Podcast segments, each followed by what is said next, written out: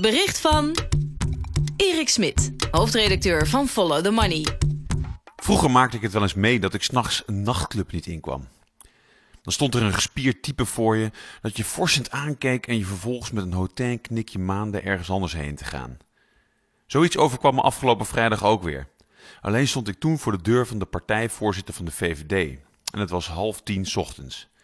Henry Keizer, zo heet die partijvoorzitter, had bedacht dat hij mijn collega Kim van Keken en mij beter de toegang tot de persconferentie, die het gevolg was van onze publicaties op Follow the Money, kon weigeren. Kim en ik hadden in de weken voor meerdere artikelen geschreven waaruit zonneklaar bleek dat de vertrouweling van onze premier Mark Rutte voor een schijntje een miljoenenbedrijf in de handen had gekregen. Daarbij heeft hij een vereniging zwaar benadeeld. Het was Keizer in de dagen ervoor niet gelukt om een fatsoenlijk weerwoord te produceren. Dat zou op die bewuste persconferentie dan eindelijk gaan gebeuren. Journalisten van alle grote media waren aanwezig. Hun namen werden één voor één door de kale spierbundel bij het hek voor het kantoor van Keizer afgeroepen. De namen Kim en Erik klonken niet en we mochten niet naar binnen. De actie van Keizer maakte duidelijk dat hij weinig van het principe van persvrijheid heeft begrepen. Deze man is een wandelende schandvlek voor de Volkspartij die vrijheid en democratie in zijn vaandel draagt.